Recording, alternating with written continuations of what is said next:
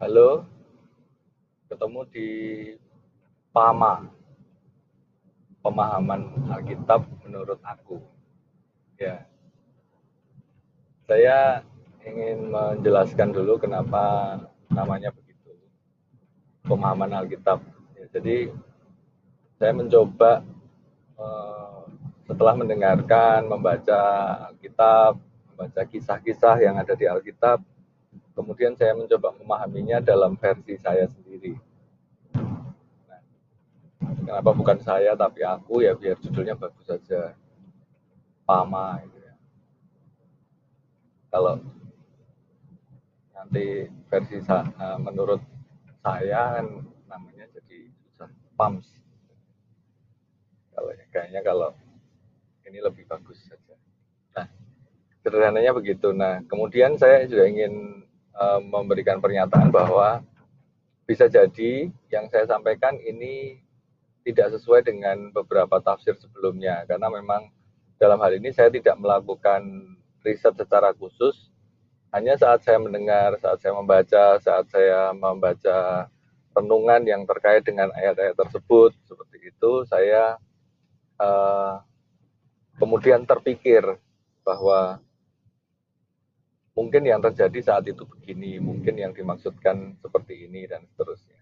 Jadi uh, ini bukan bukan kebenaran menurut siapa pun, bukan versi siapa pun, tapi ini versi saya sehingga jika ada uh, yang berbeda, yaitu adalah uh, pemikiran buah pemikiran yang berbeda saja, bukan berarti saya menentang pemikiran yang sudah ada. Dan jika misalnya ada yang salah, yaitu adalah kesalahan saya pribadi. Nah, dalam hal ini saya ingin membahas tentang Musa. Nah, kenapa Musa? Bagi saya pribadi, Musa ini adalah sosok yang khusus begitu ya. Khusus karena waktu kecil saya itu punya komik Musa. Nah, dari komik Musa inilah saya mengenal Musa dengan sangat baik sehingga saya berpikir bahwa uh, tokoh terbesar dalam kekristenan itu Musa ini. Nah selanjutnya saya baru baru tahu, baru ngerti, baru paham bahwa ternyata ada hal-hal yang dulu tidak tidak saya sadari sebagai proses perjalanan panjang Musa. Itu. Karena saya melihat melihat Musa itu semacam uh, hero gitu ya. Namanya juga komik, namanya juga anak-anak ya pastilah dekat dengan uh, khayalannya. Nah, saat tahu bahwa Musa itu perang umur 80 tahun gitu rasanya kayak masa sih gitu ya. Nah, Oke, jadi dari kisah Musa yang lahir di Mesir dalam kondisi yang bergejolak saat itu. Jadi saya melihat dari dari situ saja uh, bangsa Mesir ini adalah bangsa yang sangat besar, gitu ya. teknologinya canggih. Nonton Asterix Obelix kalau enggak itu yang bikin piramid itu film apa ya dia? Eh, pokoknya bayangan saya begitulah teknologinya canggih waktu itu. Karena pada pada eh, masa itu pun sudah ada sudah ada bangunan yang sebesar itu semegah itu. Kemudian ada uh, peradaban yang luar biasa ya gitu ya. Nah, kemudian sehingga dia mampu me, bertahan di saat di saat-saat yang sulit. Walaupun menurut Alkitab juga itu peran dari si si Yusuf juga ya menyelamatkan Mesir dari kelaparan kayak gitu. Dan itu yang membuat menjadi jalan Tuhan untuk menyelamatkan Israel justru.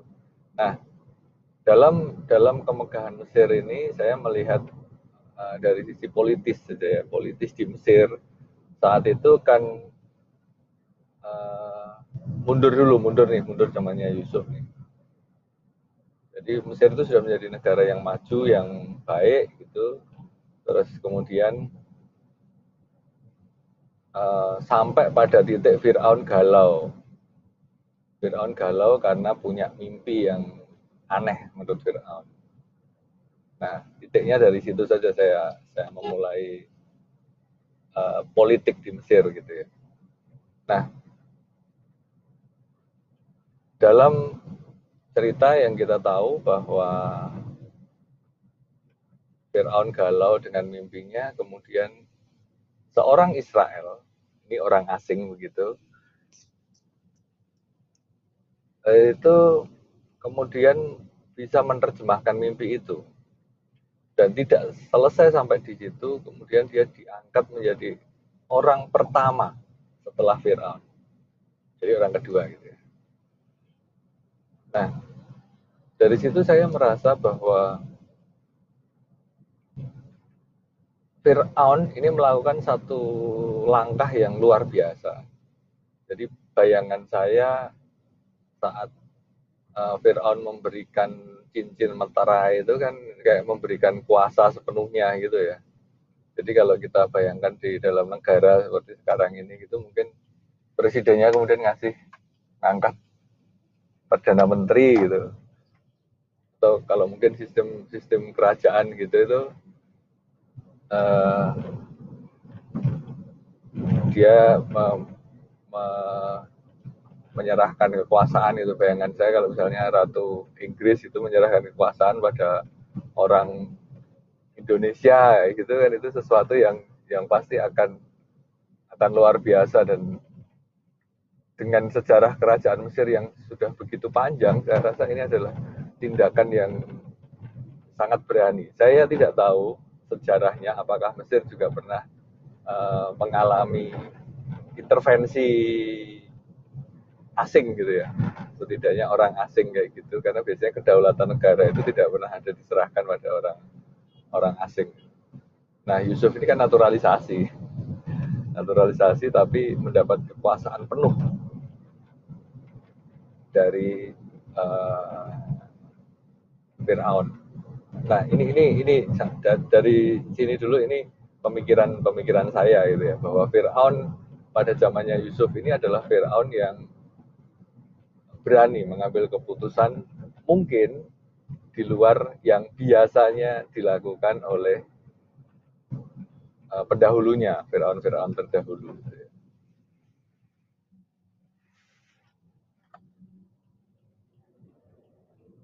Nah, dari situ kemudian uh, saya melihat ya dari dari kisah itu kan saya jadi melihat Fir'aun ini sebagai seseorang yang yang istimewa. Istimewanya adalah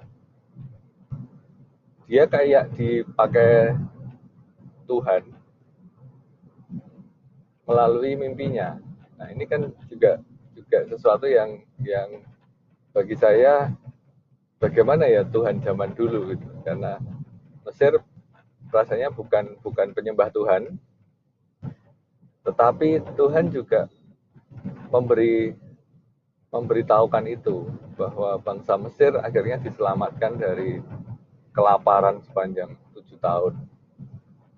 Kita yang mengalami masa pandemi dua tahun saja seperti ini, nah itu kalau tujuh tahun tidak panen itu bisa dibayangkan. Nah, beruntung Mesir sudah punya sudah punya cadangan pangan yang cukup berlimpah menurut saya begitu. Nah, dari situ saya melihat bahwa Fir'aun ini pun adalah pihak yang istimewa, sosok yang istimewa karena mendapatkan tanda khusus juga dari Tuhan. Walaupun dia tidak bisa menerjemahkan, tapi akhirnya dia bisa tahu dari Yusuf dan dia mengangkat Yusuf menjadi menjadi apa namanya orang kepercayaannya yang begitu berkuasa di di tanah Mesir. Nah, kemudian politik berlanjut, uh, Yusuf dan saudara-saudaranya ada di Mesir nah, sampai pada perbudakan. Saya tidak tidak tahu uh, rentangnya ya. Mungkin bisa di, bisa dicari, bisa dilihat rentang dari dari Yusuf sampai ke perbudakan. Karena bayangan saya Yusuf dan bangsanya dan keluarganya lah ya kalau dibilang gitu. Dan keluarganya ini uh, rasanya pasti akan dihormati oleh kerajaan gitu. Artinya akan punya privilege hak khusus hak istimewa dalam uh, menjalani kehidupan gitu ya. Ya mungkin kayak dapat kapling lah paling tidak di kerajaan atau mungkin di daerah tertentu kayak gitu. Nah, tapi bayangan saya karena waktu itu Mesir menjadi negara yang yang cukup kaya, yang makmur, yang bertahan dari kelaparan, mungkin juga banyak orang Israel lain yang tidak dari kaum keluarga Yusuf yang uh, juga hijrah ke Mesir begitu ya. Jadi mungkin juga beragam orang Israel yang datang ke Mesir ini beragam. Sehingga ya pasti dalam dalam uh, pergerakan secara politis bagaimanapun juga orang Israel kan orang asing bagi bagi orang Mesir begitu kan. Dan sepertinya sudah ada pergantian Firaun dari Firaun zamannya Yusuf ke Firaun zamannya Musa begitu. Nah, tapi Fir'aun ini pun juga juga zaman Musa lahir ya, maksud saya, zaman Musa lahir. Nah, zaman Musa lahir ini ada ada Fir'aun juga. Nah, Fir'aun ini eh, dia memang fokus pada pembangunan Mesir dengan eh, sumber daya orang-orang Israel. Nah, ini ini juga satu satu kecerdasan juga itu bagi seorang Fir'aun. Jadi saya berpikirnya juga juga jadi balik juga ya yang tadi itu uh, sebenarnya Mesir itu sudah sudah maju sebelum Musa eh, sebelum Yusuf datang ataukah justru majunya mulai zaman Yusuf nah itu yang yang saya juga kurang kurang begitu tahu. Tapi uh, faktanya Mesir punya teknologi yang yang tinggi pada pada zaman itu. Nah, dari situ uh, kemudian kemudian si bangsa Israel ini dimanfaatkan oleh Fir'aun, oleh Mesir untuk membangun kota-kota di di Mesir. Ya ini adalah satu hal yang satu hal yang memang menjadi memang menjadi apa namanya strategi itu ya strategi dari dari dari Fir'aun saat itu itulah akhirnya terjadi dan melihat populasi Israel yang besar, Fir'aun saat itu memutuskan untuk ini nggak bisa terjadi begini terus. Nanti bangsa bangsa yang aslinya, bangsa aslinya akan terdesak oleh bangsa-bangsa yang pendatang kayak gitu dan dan itu kan sebenarnya terjadi juga di masyarakat modern kan ya misalnya aborigin di Australia, Indian di Amerika, terus mungkin bahkan mungkin di Indonesia pun ada suku-suku suku-suku asli yang kemudian terdesak oleh datangnya orang-orang uh, dari luar kayak gitu ya. Nah, itu yang yang saya saya melihat waktu itu Mesir membuat keputusan yang sangat mengerikan menurut saya tapi memang untuk untuk sebuah bangsa kehidupan suatu bangsa ya mungkin itu pilihannya sulit gitu ya. tidak ada pilihan tidak ada pilihan lain untuk untuk membuat Mesir tetap bertahan kalau dilihat dari populasinya populasi Israel yang demikian besar saya membayangkan juga kalau misalnya orang karena orang Isra uh, orang Mesir ini bang, menjadi bangsa yang besar gitu terus kemudian nyaman terus kemudian mungkin mempekerjakan orang-orang Israel jadi bisa bisa bayar nah dari situ akhirnya Mesir eh, kalah jumlah karena orang Israel yang ada di situ beranak pinak dan seterusnya. Terus kemudian juga kemudian juga uh, semakin sejahtera hidupnya karena mendapatkan penghidupan pekerjaan yang layak di Mesir begitu. Nah, keputusan yang mengerikan pun terjadi pembunuhan bayi laki-laki uh, itu sesuatu yang sesuatu yang luar biasa mengerikan juga bagi saya ya. Dan itu nanti ternyata terhubung dengan keputusannya Herodes raja yang membuat keputusan mengerikan saat Yesus lahir itu.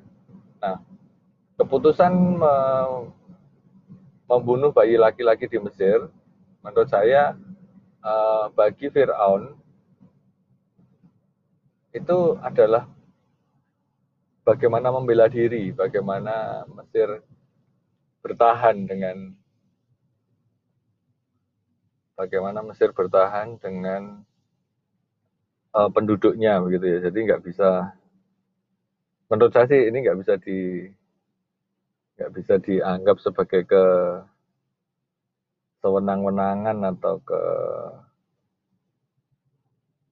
apa kebrutalan gitu tapi memang rasanya pilihannya sulit untuk untuk Mesir bertahan dari orang Israel. Nah, orang Israel ini secara posisi ada di ada di Mesir, secara jumlah lebih banyak, secara keterampilan mungkin juga lebih bagus sejak zamannya Yusuf. Nah, jadi begitu terdesaknya Mesir untuk untuk bertahan. Nah, terjadilah pembunuhan bayi yang mengerikan dan pada saat itulah lahir Musa. Uh, saya kembali flashback mengingat masa kecil saya yang waduh bayi laki-laki dibunuh itu udah ngeri kemudian Musa lahir. Semakin ngeri gitu ya deg-degan bahwa aduh Musa berarti itu dibunuh ya gimana terus ceritanya?